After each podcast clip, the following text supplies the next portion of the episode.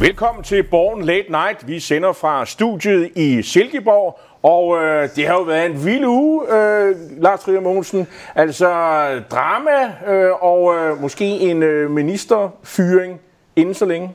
Jeg vil sige maksimal drama. Statsminister Mette Frederiksen, som jo under hele coronaperioden har stået bumstærkt og har haft en massiv opbakning i befolkningen. Hun står lige pludselig langt mere skrøbeligt. Vi ser målinger, der viser, at håndteringen her i det senere forløb, særligt omkring de her aflivende her mink, gør, at der er en stadig større gruppe af, af vælgere, som ikke længere har tillid til, til regeringen. Så vi står i et meget dramatisk altså spektrum mellem på den ene side, at Mette Frederiksen endnu en gang formår at ride videre og børste det her af sig, og helt over til ret usandsynligt, men helt over til en mulig rigsret. Men havde du troet, at minkavlere i Danmark, øh, pelsdyravl, at det ligesom var, blev et, et centralt erhverv i, i, i dansk politik, der, øh, hvor man taler om øh, grundlovsbrud, og du taler om rigsretssag, og det er jo ret vildt. Det er altså fuldstændig surrealistisk. Men det er selvfølgelig også vildt, at man, øh, skal man sige, at erhverv simpelthen må lukke og slukke nærmest fra den ene dag til den anden. Men jeg tror også, man må forstå, kan man sige, de meget stærke følelsesreaktioner, vi nu ser, som et udtryk for, at det Mette Frederiksen i hvert fald er beskyldt for i forhold til magtfuldkommenhed, var noget et bristepunkt. Man havde centraliseret så meget magt og inddraget de andre partier i Folketinget så lidt, at det næsten var kun et spørgsmål om tid, for der kom en sag, som på en eller anden måde fik det til at ramle. Og så har det også fået en anden effekt, øh, som du måske heller ikke lige havde set, det er, at øh, vi har fået en samlet opposition, og øh, det er ikke så tit, vi har set det, i hvert fald ikke i den her valgperiode. Og hvad man slet ikke har set tidligere, det er en Jakob Ellemann, der lige pludselig med selvtillid og næsten altså syrlig skarphed skyder igen mod Mette Frederiksen. Og det udspillede sig faktisk også i dag i Folketingets spørgetime, hvor vi så altså en sjælden selvsikker Jakob Ellemann udfordrer statsminister Mette Frederiksen. Lad os lige prøve at se her, hvordan slagudvekslingen foregik i Folketingets spørgetime. Der er altså ikke noget, der hedder undskyld, herr betjent, at jeg kørte over for rødt, men jeg havde travlt. Uanset hvor travlt man har, så skal man vente til der er grønt. Og uanset hvor meget det haster, så skal man vente til lovhjemmelen er på plads. Det kom den i går med hjælp fra, eller det kom aftalen bag det i går med hjælp fra regeringens parlamentariske grundlag. Lovhjemmelen som sådan, den er jo ikke på plads, før den er behandlet her i huset. Det ændrer altså ikke på, at lov er lov, og lov skal holdes. Der er det, jeg så bare i al stilfærdighed spørger. Er vi enige om, at ansvaret for, at der blev kørt over for fuldt rødt, det var statsministerens? Statsminister? Men det er jo ikke korrekt, hvad der bliver sagt. Det er ikke korrekt. Øh, og det bliver jeg nødt til øh, kraftigt at anholde, fordi som jeg sagde allerede i sidste uge, hvis øh, vi var blevet bekendt med, at der ikke var lovhjemmel til at træffe den her beslutning, så havde vi jo sagt det på pressemødet. Det havde vi jo, bare, det havde vi jo sagt. Så så meget hastighed det ikke alligevel. Det er statsministeren, der har ordet. Jo, hastigheden kan man jo ikke anfægte i mine øjne. Fordi når der ligger en sikkerhedsrisiko, der handler om danskernes folkesundhed, så bliver vi ansvarlige politikere nødt til at reagere. Der har vi positionerne. Hastværk er lastværk. Du øh, bryder grundloven undervejs, og du er blevet for magtfuldkommen. Og så har vi statsministeren i den der øh, øh forsvarsposition, hun har stået i hele tiden. Ja, men jeg gjorde det for folkesundhedens skyld, og jeg har sagt undskyld 127 gange. Og, øh, og der har vi positionerne. Men her har vi Jacob Ellemann i, øh, skal man sige, man kan godt sige, at han nyder lidt rollen og, og endelig være den, der har, øh, skal man sige, øh, den øvre hånd i den her sag, og statsministeren bryder sig ikke om at være i defensiven. Og hun må næsten bare stå og tage imod. Hun har ikke andre muligheder. Men det er helt oplagt en ny dynamik, vi ser, at Jacob Ellemann lige pludselig melder sig ind mm. i kampen om i virkeligheden at kunne bejle til posten som statsminister. Hidtil har han jo både i målingerne, altså både sådan personmålingerne, men også sådan i, i, i partimålingerne, jo absolut ikke ligget i et, i, i, på et niveau, der gjorde det muligt, og han er ikke blevet taget troværdig heller af de andre i den borgerlige blok, som egentlig statsministerkandidat. Men den her sag har på en eller anden måde vendt op og ned på det. Blokkene har også nærmet sig hinanden. Og som du er inde på, det er en ret væsentlig jagttagelse. Den her sag har forenet de borgerlige partier. Og det handler jo også om, at, øh, at, det handler måske i virkeligheden ikke så meget om, minkavl. Det handler måske mere det her om, at den kolde, klamme stat øh, eksproprierer, øh, uden at have loven med sig, øh, folks private ejendom. Folk sidder derude med huse og bøndergårde og hvad de ellers har af firmaer, og, og, og måske lever sig ind i rollen som, jeg tænkte nu, hvis det var mig, der kom i den her ulykkelige situation med covid, og, og nu kom øh, moder stat her og, og siger, nu skal I aflive dem forresten, men jeg har ikke lovhjemmel til det, det tager vi på efterbevilling. Ja, ja, jeg må nu fortælle dig, at der er ikke så mange øh, bønder går øh, tilbage i det danske land. Altså, det er så en ret lille del af befolkningen efterhånden, som Men der er mange, der har fast ejendom, Lars ja, ja. Mogensen, og det, og det er dem, han taler til. Ja. I hvert fald kan vi konstatere, at Jacob Ellemann er kommet i offensiven. Det vender vi tilbage til om lidt, for først synes jeg lige, vi skal prøve at trænge lidt ned i den her nye skandalesag, anklagerne om et muligt lovbrud, grundlovsbrud. Lad os lige prøve at se på, hvem der egentlig er de ansvarlige i det her. Nå, Lars, vi skal have placeret et ansvar øh, for den her meget spektakulære sag, der er Trylleben og Nationen. og der er jo fem øh, hovedpersoner, hvor, som jo, hvor man jo har mulighed for at placere et eller andet ansvar for den her mix-skandale. Altså, det, den første, kan man sige, mistænkte for ulovligheden, det er selvfølgelig helt oplagt ham her. Mogens Jensen, fødevareminister, socialdemokratisk næstformand. Men da beslutningen om at masseaflive alle de her mink, millioner af mink, vel at mærke, før der var et lovgrundlag for det. At det var en beslutning, der blev truffet i regeringens koordinationsudvalg. Og der hedder så, formanden jo ja, statsminister øh, Mette Frederiksen, formand for Socialdemokratiet. Så hun må også på tavlen. Men så er der jo et lag nedenunder de politisk ansvarlige embedsmændene. Og der er der altså også flere af dem, som allerede er i søgelyset, og afhængig af, hvordan den her sag udvikler sig, mildt også kan komme i fedtefadet. Men lad os prøve at starte lidt nedefra. Altså nede i systemet, der hvor de rigtige faglige eksperter sidder.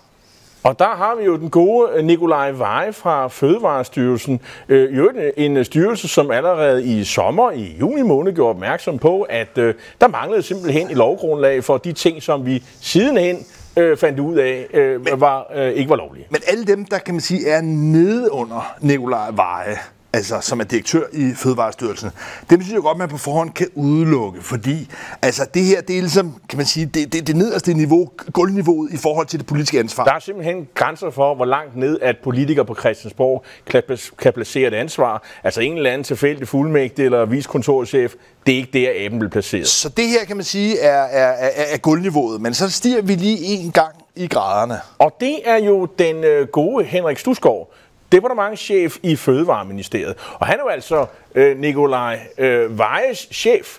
Og, øh, og det er jo så altså ham, der rådgiver Mogens Jensen heroppe i, i, i Fødevareministeriet. Så hvis der er gået et eller andet galt øh, i Fødevareministeriet, jamen, så er det et af de tre herrer her, der må, må tage skraldet eller tage ansvar. Men som jeg var inde på før, så var det en beslutning i regeringens koordinationsudvalg, hvor altså statsministeren sådan set var med til at træffe beslutningen. Og derfor kan vi ikke kan indkapsle det alene til de tre herrer her, for der er også en anden, måske meget afgørende kvinde med i spillet her. Og det er jo departementchef i statsministeriet, og hun hedder Barbara Bertelsen, og hun sidder jo også med i det her koordinationsudvalg, og hun er jo også øh, chef øh, et eller andet sted for, for ham her. Øh, hun er i hvert fald den øverste øh, embedsmand på Slottsholmen. Og så er det jo også det, der er centralt her, at hun er jo den politiske chef, der ligesom skal øh, ifølge ministeransvarlighedsloven ligesom skal, øh, øh, skal man sige, kigge efter, at ham her, han gør tingene ordentligt. Hun har en særlig tilsynspligt, øh, tilsynspligt som det hedder. Så det er jo ikke bare noget med, at du kan, hun kan tørre det af på Mogens Jensen her. Øh, hun har selv et ansvar her. Og så er det jo det, at øh, under den her regering, der er der jo opbygget et øh, helt stort øh, skal man sige, apparat, som skal kontrollere alt, hvad der foregår ude i, i de enkelte ministerier. Og chefen for det, det er netop Barbara Bertelsen her. Barbara Bertelsen vi jeg udpeget til at være den næst mest magtfulde, ikke blot kvinde, men person i Danmark. Fordi hun er blevet Mette Frederiksens meget lojale højre hånd og har overtaget en meget, meget stram styring af, af de andre ministerier. Og som du er inde på, så er der altså den her logik, at Mette Frederiksen har ville detaljkontrollere alt, hvad der er sket ude i ministerierne. Og det har hun ville, kan man sige, på solskinsdagen, når det er gået godt, når der har været gode budskaber. Og nu er der altså den jo for Mette Frederiksen lidt ubehagelig logik, at så kommer møgsagerne bare også den anden vej. Og der er problemet for sådan en som Barbara Bertelsen, det er, at hun kom i øvrigt interessant nok fra en stilling som departementchef i Justitsministeriet, og er selv jurist, ligesom de andre øvrigt også er. Og det er jo dem, der holder øje med, at alt det her lovgivning, der i øvrigt foregår på Slottsholmen, at det er i orden. Det vil sige, hun kender rumlen, øh, hun har en meget god fornemmelse for, om ting er lovligt eller ulovligt. Men jeg, jeg synes, man kan konstatere, at alle de her fem personer har et medansvar. Her snakker vi om et formelt medansvar for, hvad der er sket. Helt konkret er det sådan, at Mogens Jensen sidder med det største forklaringsproblem, fordi man har med den struktur, man har i Centralstationen i Danmark, at det er sådan set ham, der har ansvaret for, at det er lovligt. Men hvis vi ligesom skal prøve at zoome ind på, hvem der måske kan klare frisag, mm. hvem der på en eller anden måde kunne tages af her, hvem vil du tage? Jeg vil nok sige, at, øh, at vores ven her i, i Fødevarestyrelsen, øh, direktøren øh, Nikolaj Veje, han har måske sovet i timen, øh, men det, det er svært at kunne sige, at, at placere øh, politisk ansvar hos en direktør i en styrelse. Det øh, tror jeg ikke. Okay, så os, det tror jeg ikke, at læg øh, politikerne vil acceptere. Læg med ham. Så har vi øh, en departementschef.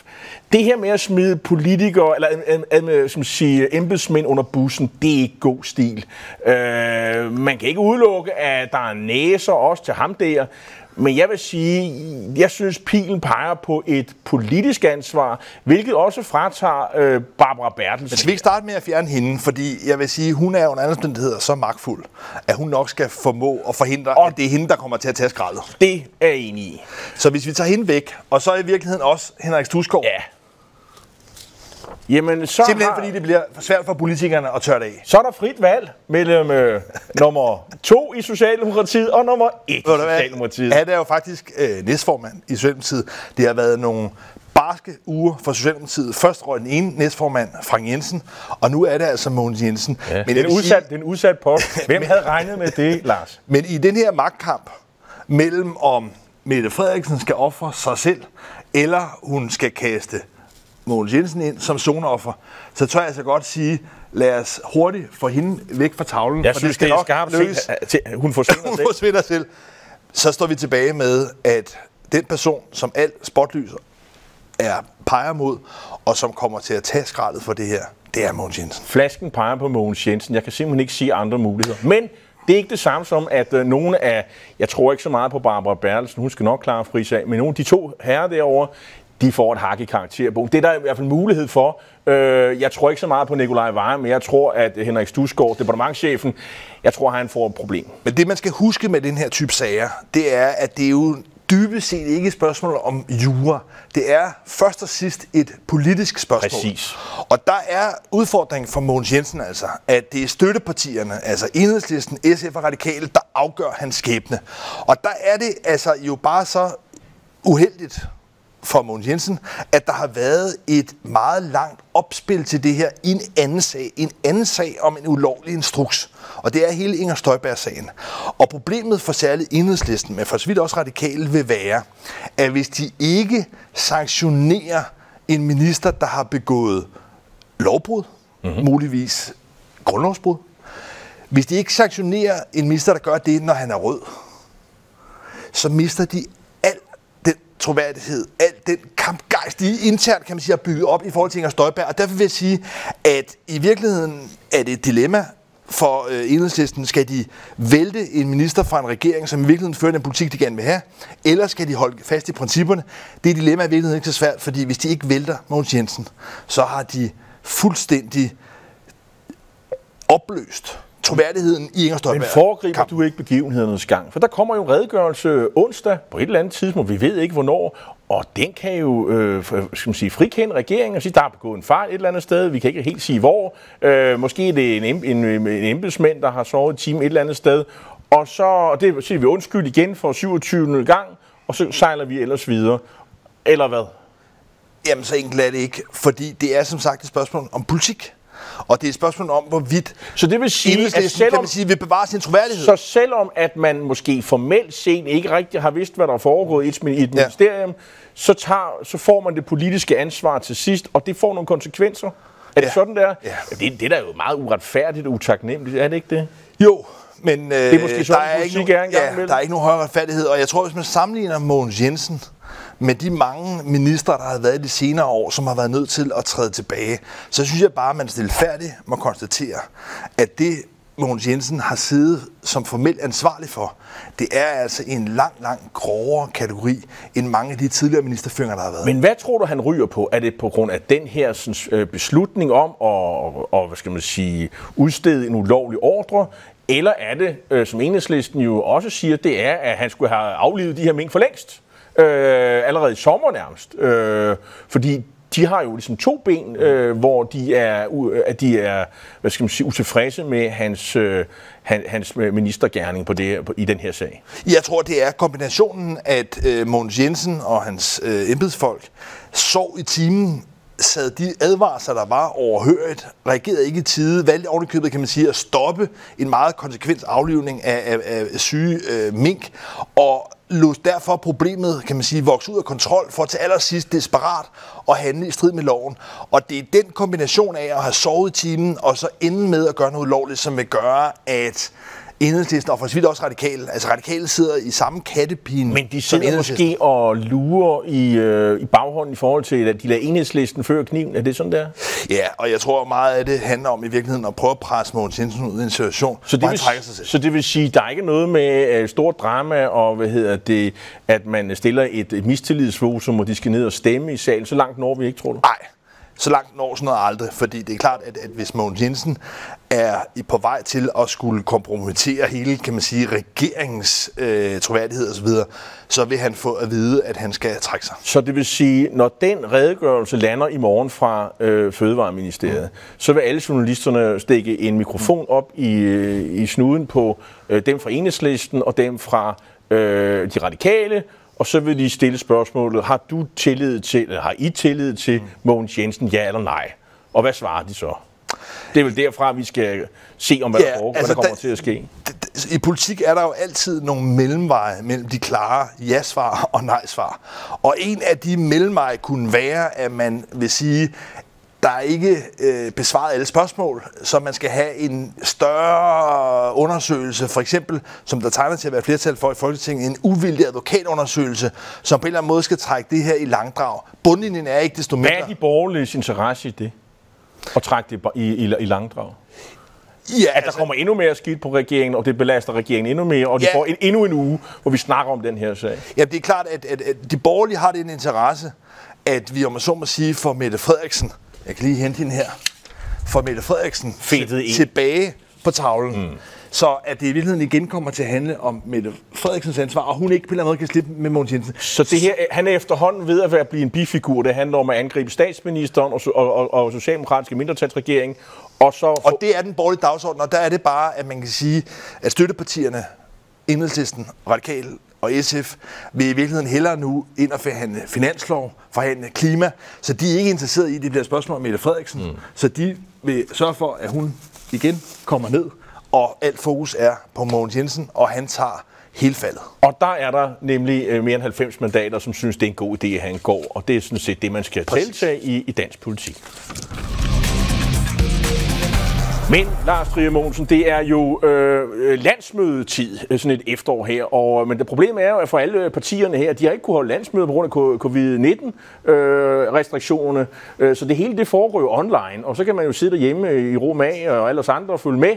Og øh, Jacob Ellemann, han øh, har jo været så heldig og forudseende at lægge sit landsmøde, eller i hvert fald sin landsmødetale, lige midt i den her øh, skandale, som øh, regeringen ligger og rundt i.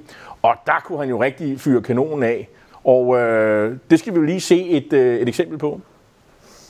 Statsministeren har vist sig ude af stand til at forvalte den tillid, som Folketinget har vist hende i foråret, da corona ramte Danmark. Og det skal vi lave om nu. For der er forskel på at styre et land og at lede et land. Derfor foreslår Venstre, at vi skal have en ny epidemilov, så vi kan få sat en stopper for den enevældige tilgang, som statsministeren har praktiseret. Her tror jeg, man skal bide mærke i tre ord. Det ene det er, at Jakob Ellemann Jensen anklager statsminister Mette Frederiksen for at være enevældig. Mm. Altså det er det første ord, enevældig. Ligesom en konge, ja. Ligesom en konge. En skal skør konge.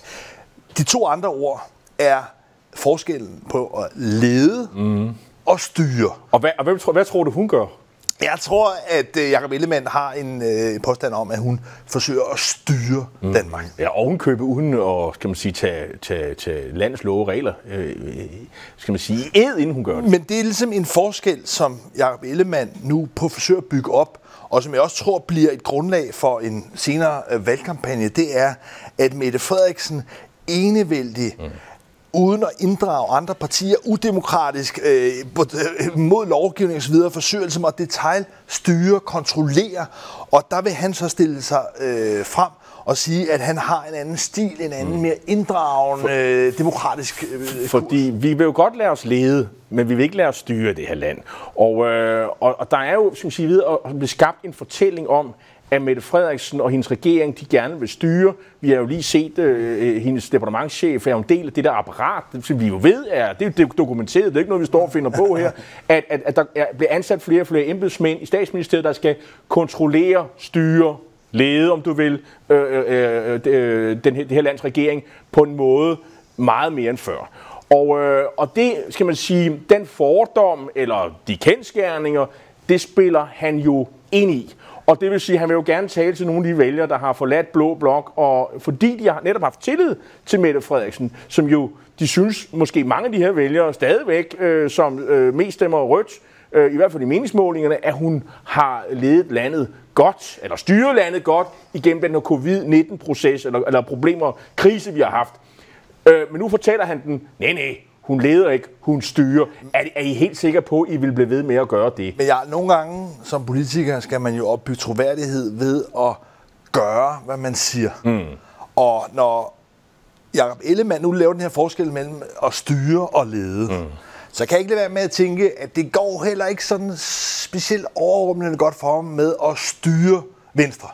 Men leder han overhovedet Venstre? Hvor er du ond mand. Og, øh, men du har jo ret. Altså, det, det, den her catchphrase, eller har det jo lidt ligesom med at, at, at vende tilbage til ham selv, ikke? Fordi, altså, og jeg har også set øh, enkelte socialdemokrater, der har været ude og, og sige, det er meget godt, du anklager hende, men hvad med at lede Venstre? Du har Inger Støjberg, som jo ja. gør, gør og siger lige nøjagtigt, hvad hun selv vil, og øh, der er en tidligere formand, der render rundt og skriver bøger, og stadigvæk, øh, skal man sige, optræder hist og pist og koketterer med, at han måske ja. overvejer at starte et nyt parti og sådan nogle ting.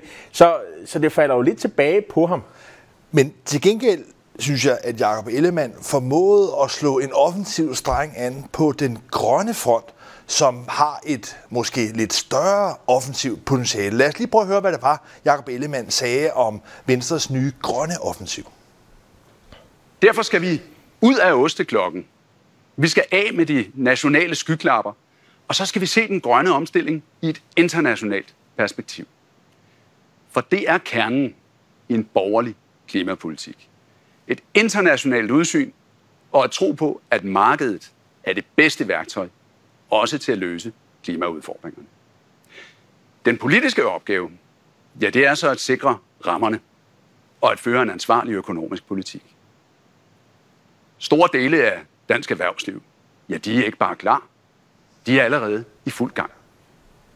Ja, det var som at se en, øh, en, en værvært på en af de store kanaler, og altså, tv-aviser og så videre, men fordi der var jo landkort af Danmark og så videre, han tegnede og fortalte. Det. Altså, jeg synes jo, at det her er et mere af de begavede svar, de har, fordi dels er der noget med at bringe Venstre i offensiv på noget grønt, og sådan noget, hvor man har været meget defensiv, men så er der nogle ting, som jeg som gammel venstremand lægger mærke til, det er sådan noget med, det er markedet, det er, det er erhvervslivet, vi kan tjene på det. Der er arbejdspladser.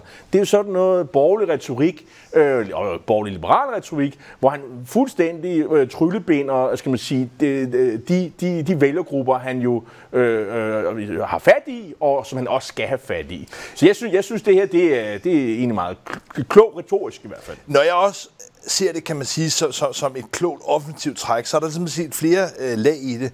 For det første kan man se det lidt som en modpol til det nummer, Socialdemokratiet lavede i sidste periode i udlændingepolitikken. Mm. Der forsøgte man ligesom man kalder det sådan en frontforkortning, altså gør afstanden mellem Socialdemokratiet og Venstre så lille som overhovedet muligt i udlændingepolitikken, for derved i hvert fald at neutralisere det emne. Og på samme måde her er en af de strategiske tanker i hvert fald, at, at Venstre ikke skal blive beskyldt for at være sorte, og i hvert fald være lige så grønne som Socialdemokratiet, så den debat ikke ligesom kløver vælgerne. Det er det første. Det næste, jeg vil sige, som, som er ret smart ved det, det er, at man i virkeligheden altså overtrumfer øh, Socialdemokratiet for bragt en, en, en, en splid ind også i forhold til venstrefløjen, som lige pludselig siger, hov, Jacob Ellemann Jensen vil jo faktisk noget, der er mere grønt end øh, Mette Frederiksen og Dan Jørgensen. Bemærk i den her uge, selv Danmarks Naturfredningsforening, så, som øh, ledes af den tidligere enhedslisten-politiker øh, Maria Gerding, at hun var ude og rose, skræmme rose Jacob Ellemann. Så vi har altså, kan man sige, en, en opblødning af, af fløjene. Og, Men, og, så, og der er faktisk tale om sådan en, en, en, uh, triple whammy, tror man kalder det. Altså en, to, tre gange i den, fordi det er jo, det er jo, øh, det er jo de her sådan, så lavbundsjord, hvor der jo i forvejen ikke øh, kan vokse ret meget, men øh, hvor der er jo altså... Og nu er der ikke længere dyrkes mink. ja, og det er jo det. Og der er altså nogle landmænd, der ja. står og brænder ind med det her jord, og hvis de nu kan få en god pris, mm. det er så minkavlerne står til at få en god pris for, for deres gårde, ja. øh, når det her øh, på et eller andet tidspunkt gjort op i med ekspropriation, det sidder de jo forhandler om lige nu, øh, så kunne de jo komme af med det og få en god pris, og, og så og regningen, Ja, hvor ender regningen? Den er ender hos skatteyderne. Men det er jo nok bedre, at øh, vi set med et venstreperspektiv, at, øh, at det er bønderne, der får øh, et indgangsbeløb, end man sender pengene til velfærdsforbedringer, øh, som venstrefløjen jo har for øje. Men det er helt klart, at, at det, der ligger i den plan, som, som Jacob Ellemann også lagde frem, om i virkeligheden at overkompensere landmændene, købe noget af deres øh, dårlige jord til, til en høj pris. Og der er stadig kernevælger der, kan man Og sige. der er helt sikkert vælger, men det er også noget, der kan man sige, der ligger grunden for, at, at Venstre i virkeligheden kan gå ud og lave en mere offensiv grøn dagsorden, altså igen for nogle af Venstrefløjen, Naturfredningsforeningen, grønne organisationer, i virkeligheden til at blive i tvivl om, hvem er det egentlig, der er grønnest, Jakob Ellemann Jensen eller Mette Frederiksen. Jeg tror nu, at Jakob Ellemann Jensen vil få stadig større problemer med at skrive over de positioner, der er i Venstre mellem en Tommy Ahlers, den her erhvervsmand, som nu er blevet klimaminister, som er drivende for mange af de her idéer, som ligesom repræsenterer København og byen, og så det mere traditionelle landbrugsvenstre. Ikke, der... ikke, ikke så længe, at du kan ikke har ansvaret for statskassen, det er nogle andre, nogen, ja, ja. der har det, så kan man jo bare brænde løs af pengene, ligesom man gør med elbiler ja. og andre ting. Og det er jo ligesom en, en, en oppositions, øh, skal man sige, øh, jeg vil sige opgave eller lov, men det er i hvert fald den, den, det heldige, der er ved at være opposition, det er, man har ikke rigtig ansvaret for, for pengene på samme måde. Men i hvert fald nyheden i den her uge, det er, at Jakob Ellemann Jensen er vågnet op. Han er trådt ind i den politiske kamp med gejst, og også med en plan, som i hvert fald kommer til at kunne udfordre Socialdemokratiet. Men ja, hvis vi lige slutter af her, nu har vi en presset Mette Frederiksen, som måske risikerer at måtte i første omgang fyre sin fødevareminister. Måske i anden omgang også, at den her sag travler videre op i, mm. i magtsystemet. Så altså en presset Mette Frederiksen over for en selvtillidsfuld Jakob Ellemann Jensen. Er der afgørende sket et skift her, eller, eller hvad? Det tror jeg, man skal overlade og, og til de meningsmål, der kommer, fordi hvem holder befolkningen mest med? Er de på det der fødevaresikkerhedshold, øh, til trods for, at regeringen nu har indrømmet, at de har dummet sig og ikke har haft øh, det her sådan, øh, lovhjemmel. Man havde en, en hjemmelsudfordring, som statsministeren formulerede det. øh, det betyder, det var bundulovligt, ja. det det betyder. Øh, eller er man på det hold, der siger, øh, du kørte over for rødt, og du gjorde det måske øh, med øjnene åbne, og det kan vi ikke have. Altså, hvor, er, hvor stiller befolkningen sig? Jeg, jeg forestiller mig, at der er en bevægelse lige nu, øh, hvor for, rigtig mange stemte rødt, mm. til at nu knap så mange stemmer rødt. Men jeg tror stadigvæk, at, øh, at mange vælgere, øh, skal man sige, øh, sætter til, har tillid, stadig har tillid til Mette Frederiksen, øh, fordi de har foråret øh, i, i baghovedet, hvor hvor, hvor, hvor Danmark slap øh, noget igennem. Og det gør vi sådan set stadigvæk, hvis du måler med, med alle de andre lande, der slås med nogle endnu større problemer her i, i covid-19, anden, tredje bølge. Men jeg alene det, at du er i tvivl mm. om styrkeforholdet. Det synes jeg er et tegn på, at Mette Frederiksen langt fra sidder så sikkert, som hun har gjort hen over sommeren og at det også er noget, der kan påvirke, kan man sige, psykologien blandt partierne, at regeringen simpelthen, kan man sige, vil være øh, mere nervøs, defensiv, afventende, og vi ser en opposition, som i stigende grad vil udfordre. Og det er alt sammen noget, som vi vil holde et skarpt øje med. Jarl Cordova og jeg, Lars Mogensen, vi siger tusind tak, fordi du så med. Vi ses om 14 dage.